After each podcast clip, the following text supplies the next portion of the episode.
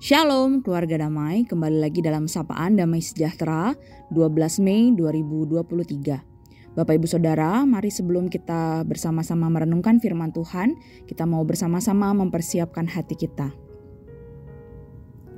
Mari Bapak Ibu Saudara, kita mau berdoa. Tuhan Yesus kami bersyukur karena Tuhan terus memimpin kehidupan kami. Kami bersyukur ya Tuhan bahwa Tuhan tidak pernah meninggalkan kami dan saat ini kami rindu firman Tuhan sekali lagi kiranya menguatkan setiap kami, memberikan pengharapan, memberikan sukacita, menegur serta mengingatkan setiap kami untuk kembali kami hidup sesuai dengan apa yang Tuhan inginkan dalam kehidupan kami. Terima kasih ya Tuhan, berbicaralah kepada setiap kami karena kami siap untuk mendengar firman-Mu. Dalam nama Tuhan Yesus kami berdoa dan mengucap syukur. Amin. Bapak Ibu Saudara, tema perenungan firman Tuhan kita pada hari ini adalah kehadiran yang berdampak.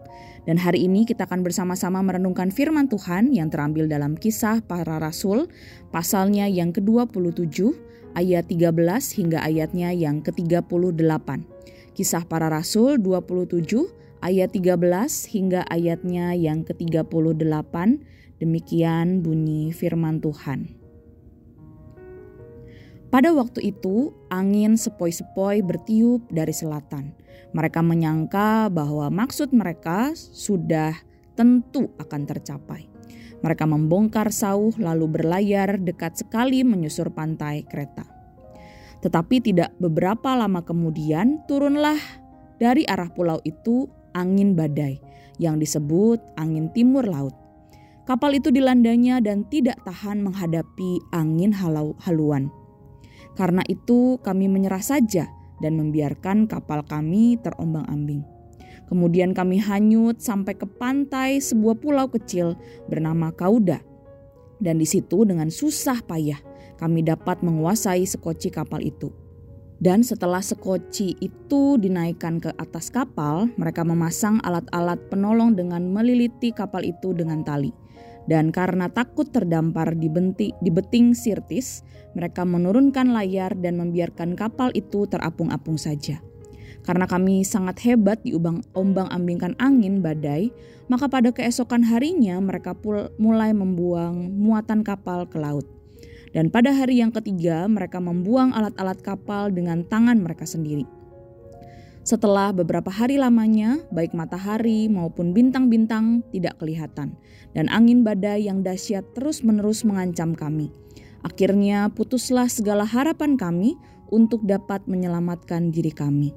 Dan karena mereka beberapa lamanya tidak makan, berdirilah Paulus di tengah-tengah mereka dan berkata, "Saudara-saudara, jika sekiranya nasihatku dituruti, supaya kita jangan berlayar dari kereta, kita pasti terpelihara dari kesukaran dan kerugian ini.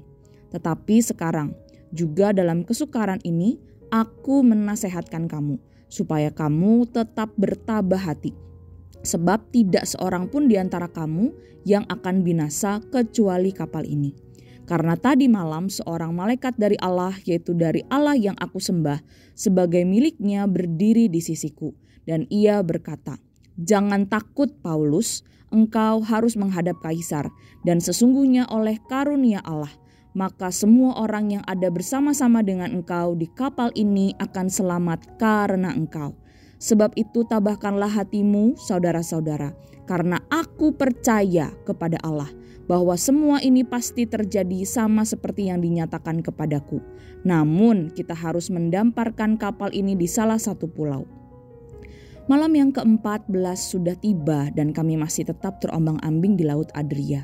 Tetapi kira-kira tengah malam anak-anak kapal merasa bahwa mereka telah dekat daratan.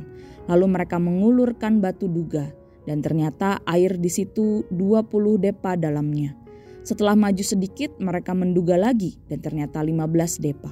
Dan karena takut bahwa kami akan terkandas di salah satu batu karang, mereka membuang empat sauh di buritan. Dan kami sangat berharap mudah-mudahan hari lekas siang. Akan tetapi anak-anak kapal berusaha untuk melarikan diri dari kapal. Mereka menurunkan sekoci dan berbuat seolah-olah mereka hendak melabuhkan beberapa sauh di haluan. Karena itu Paulus berkata kepada perwira dan prajurit-prajuritnya, jika mereka tidak tinggal di kapal, kamu tidak mungkin selamat. Lalu prajurit-prajurit itu memotong tali sekoci dan membiarkannya hanyut. Ketika hari menjelang siang, Paulus mengajak semua orang untuk makan. Katanya, sudah 14 hari lamanya, kamu menanti-nanti saja, menahan lapar dan tidak makan apa-apa. Karena itu, aku menasehati kamu, supaya kamu makan dahulu. Hal itu perlu untuk keselamatanmu. Tidak seorang pun di antara kamu akan kehilangan sehelai pun dari rambut kepalanya. Sesudah berkata demikian, ia mengambil roti, mengucap syukur kepada Allah di hadapan semua mereka, memecah-mecahkannya, lalu mulai makan. Maka kuatlah hati semua orang itu, dan mereka pun makan juga. Jumlah kami semua yang di kapal itu 276 jiwa. Setelah makan kenyang, mereka membuang muatan gandum ke laut untuk meringankan kapal itu. Sedemikian jauh pembacaan firman Tuhan kita hari ini. Bapak, ibu, saudara, tema kita hari ini adalah kehadiran yang berdampak. Jika ditanyakan kepada kita, manakah yang Bapak, ibu, saudara mau dengar? Kalimat yang mengatakan kehadiranmu membawa sukacita, atau kalimat yang mengatakan ketidakhadiranmu membawa sukacita. Dua kalimat yang nampaknya mirip, namun jika perhatikan punya nilai yang berbeda. Yang satu membawa sukacita dengan kehadirannya, yang satu lagi justru membawa sukacita dengan ketidakhadirannya. Mungkin sebagian dari kita akan berkata, "Ah, masa sih kita berkata demikian?" Namun, jika itu ditanyakan kepada diri kita secara pribadi, kehadiran yang seperti apa yang mau kita bawa? Apakah dengan kehadiran kita membawa sukacita, atau justru sebaliknya? Bapak Ibu Saudara dalam bagian firman Tuhan yang hari ini kita baca, Paulus sedang berada di dalam keadaan yang tidak baik. Dalam bagian ini diceritakan bahwa setelah diadili di hadapan Raja Agripa, kemudian karena Paulus naik banding kepada kaisar, maka diputuskan mereka akan berlayar ke Italia. Paulus berserta dengan beberapa tahanan lain diserahkan kepada seorang perwira yang bernama Julius dari pasukan kaisar. Perjalanan mereka menaiki kapal ternyata tidak berjalan dengan lancar. Ada angin sakal yang menghalangi, sehingga mereka pun sampai harus terombang-ambing di tengah angin badai selama beberapa hari. Bahkan mereka tidak makan.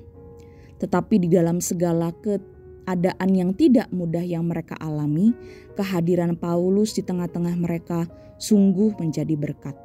Paulus menasehati dan menghibur mereka.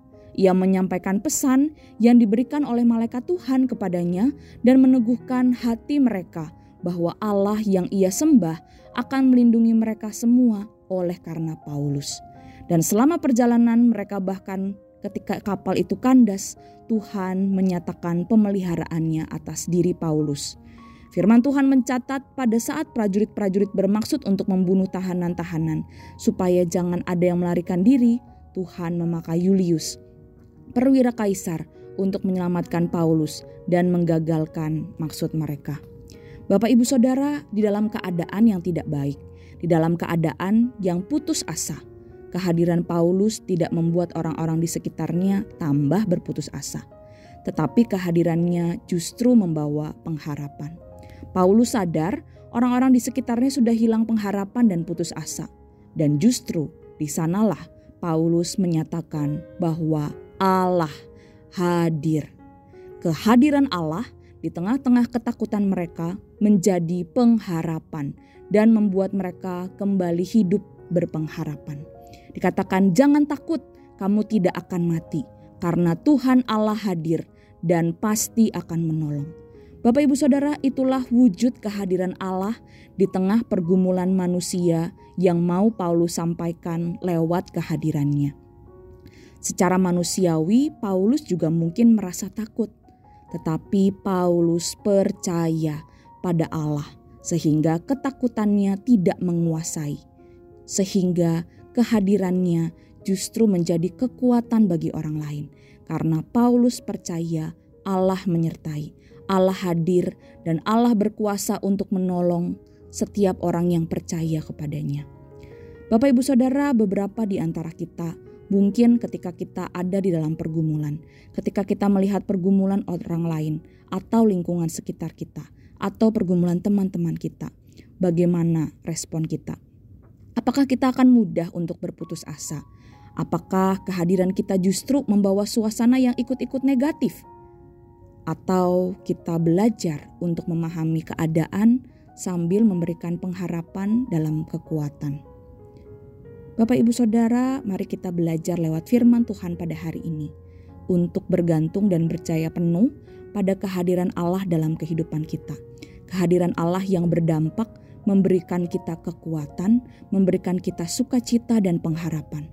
Sehingga di tengah-tengah kehidupan kita meskipun di dalam pergumulan kita pun percaya bahwa Allah hadir. Dan lewat kehadiran kita di tengah-tengah keluarga, di tengah-tengah lingkungan sekitar kita, kita justru membawa dampak sukacita dan pengharapan itu. Percaya bahwa segala sesuatu ada di dalam rencana Allah yang indah, dan Allah turut bekerja untuk mendatangkan kebaikan, bahkan ketika kita menghadapi tantangan sekalipun. Mari kita belajar percaya bahwa Tuhan hadir dan menolong, sehingga dengan demikian kehadiran kita pun dapat berdampak dan memberi kekuatan karena Kristus hadir dalam hidup kita. Mari Bapak Ibu Saudara kita merenungkan firman Tuhan ini, kita mau bersama-sama berdoa.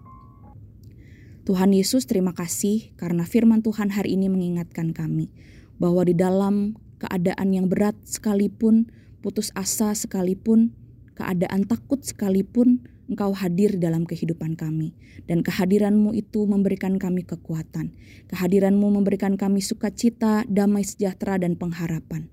Oleh sebab itu, ya Tuhan, kami mau belajar untuk percaya kepada Tuhan, dan kami mau membawa hidup kami untuk kami pun juga bisa hadir di tengah-tengah keluarga, lingkungan sekitar kami, membawa sukacita, membawa kekuatan, damai sejahtera, dan pengharapan bagi mereka, agar mereka pun melihat Tuhan di dalam kehidupan kami. Terima kasih Tuhan Yesus, mampukan kami untuk melakukan firman-Mu. Di dalam nama Tuhan Yesus kami berdoa. Amin. Selamat beraktivitas Bapak Ibu Saudara, Tuhan Yesus memberkati.